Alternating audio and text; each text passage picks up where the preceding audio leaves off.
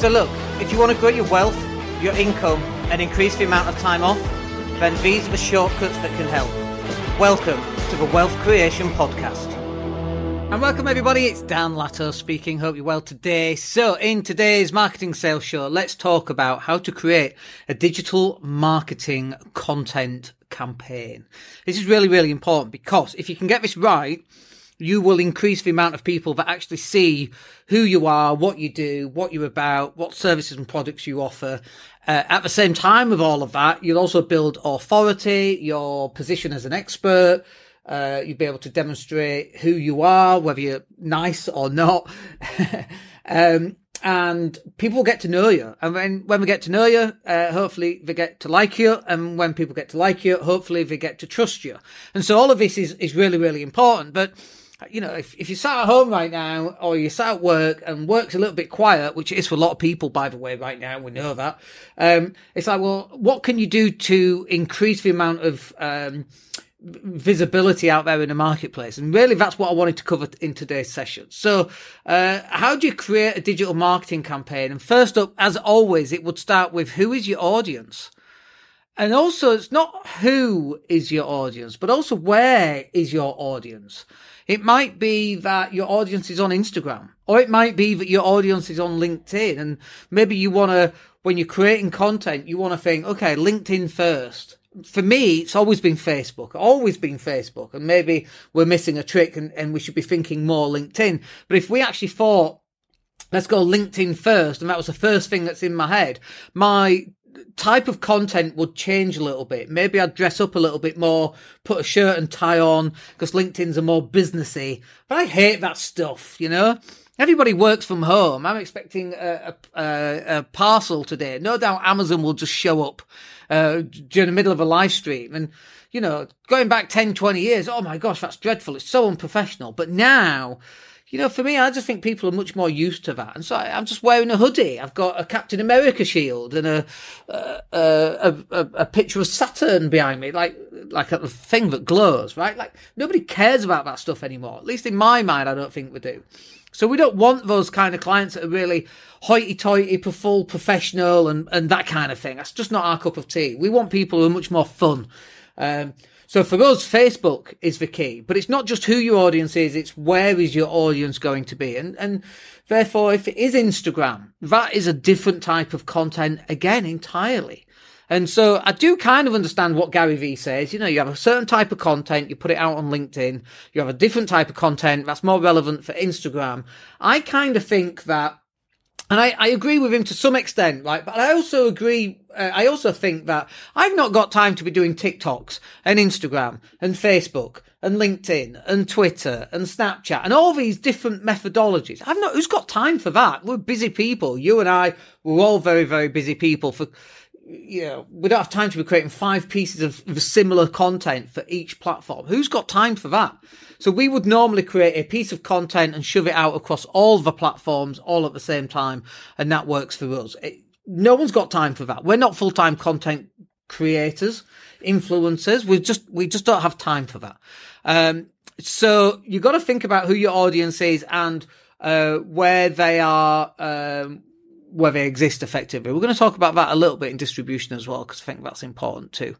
Um, and then the next bit is, well, what is the content going to be about? So, for example, this is a content about how to create a digital marketing content campaign. That's the story. And there's four sections to this story audience, story, creation, and distribution. We're going to tell a story all the way through, right? So, what's yours? Is it, you know, I used to say example yesterday actually, and it's really a funny example, but do you remember the Eddie Stobart uh, TV program of a driver, Mick? He's driving to the ferry Will he get there on time? Dun dun dun. We don't know. It's raining. He's got five hours left, but the traffic's building up. Like they are great at storytelling and creating this false narrative that, oh, is he going to get there on time? If not, it'll cost him dearly. Uh, in that voiceover as well, by the way. so if you're listening, listening to this, I apologize for my voiceover. Um, but that's what we do, right? And Needless to say, Mick, the lorry driver, he gets there just in time, but he has to reverse his 18 wheeler articulated lorry. Can he do it in time? Yeah, he can.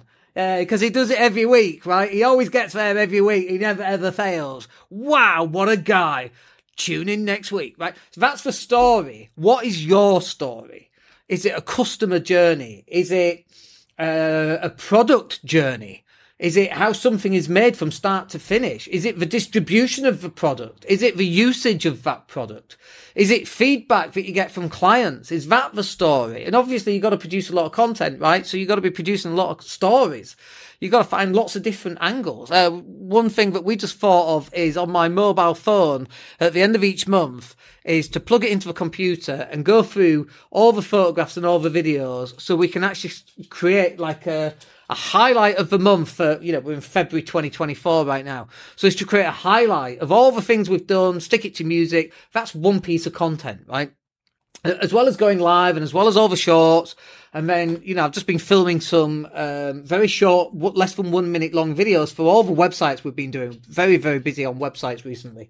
So busy, in fact, we've had to take on a website manager, which is really awesome because it means I don't have to do it anymore. But there's a story in all of that as well. There's a story in me having to take on a website manager because I'm too busy to do them. There's a story in coming up with the idea on getting all the videos, all your highlights of this month and creating a little video at the end of the month. There's a story on all the websites that we've done and why we've done them in a certain way and what the clients have said about the websites and how happy they are or not happy maybe. Mostly all our clients are happy. You always get the odd grumpy one. Um, it's just people, right? You can't, you can't help that. Uh, they don't want to pay a lot, and then they want the earth. Uh, they want everything, all bells and whistles for not a lot of money. It's just part of the course of running a business. I'm sure you know how that feels yourself. But that right there is a story. That's a piece of content right there. And so you got to work out what is the story going to be. And then once you've got the story, now you've really got to be creating the content. So what is that? Like, are you acting? So there's a big thing on uh, Instagram, Instagram even right now where it's digital creators, and so they they set the GoPro down and then they run back, uh, you know, twenty seconds, and then they start running again past the GoPro, and then they stop, and then they go pick up the GoPro. And so they're showing that process, which is a ridiculous process, right? Especially if you're filming content and it's just you. Who's got a film crew with sound and makeup and lighting? Nobody, right? So you've got to do stupid stuff like that. And it drives me insane. Uh, but I'm also quite glad that they're kind of showing that that is the way that they actually create the content now, you know? Because uh, it is daft. Um, just walking down past a stream you have to go set your camera up so you can walk past the stream and you got to go back and pick up the camera that you've just left. Hope that nobody nicks it on the way past. You know, it's just really bizarre. But this is for content creation. Or is it that, you know, filming yourself at CrossFit, for example, which I've done a couple of times, and it's like, oh, sorry guys, I'm going to film. Is that all right? And most people are okay with it. In fact, nobody has not said that I'm not okay with it yet. Uh, maybe they didn't understand my Yorkshire English. Who knows? Living here in Spain, but you you have to create the content somehow. How are you going to do that? Who's going to help you with that? And I keep thinking, you know, I just get someone from a local college, get them a camera, just follow me around for a day, and then I'm like, my days are not that interesting. I'm at my desk right now. I've been at my desk all day. Uh, I've stretched my legs. I've got a heated blanket on. Like, that's the highlight of my day. What the heck are we going to hire someone to film us. What we're not going anywhere. It's really difficult. So maybe we just have to do all our exciting thing uh, stuff every Friday. Bring a, a videographer along for every time we do something exciting. Just have Fridays as the exciting day. So we've got lots of content to film. Hire them for three or four or five hours. Get loads of raw footage and then send it over to our team to stick together. That's really, you know, it's fake as anything. Uh, nearly swore then, but it is fake as f- anything, right? So but it, you have to create the content. How are you going to do that? And for our clients, for example, we now interview them. And so we, you know, we, I just looked out. We did two interviews and we've got 50 short videos, 50 pieces of content for those two clients, which is amazing because we interviewed them.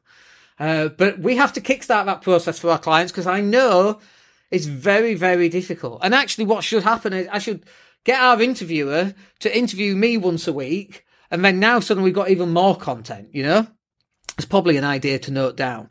But uh, again, I'm just still still sat here. Maybe we need to do it when I'm sat in the marina or by the beachfront or the coffee shop. I had cheesecake at the coffee shop. Why did I not film? I took a picture. What we do? Creating the content is really, really hard. And usually that's why people come to us because they need a hand to do it. And we can help to some extent, but they still got to do other stuff as well. And then finally is just the distribution. And in the audience, we talked about not just who, but um, how. How is um, that going to get distributed out and where does your audience live? And the distribution conversation is slightly different to that because it's what is the process for getting that piece of content?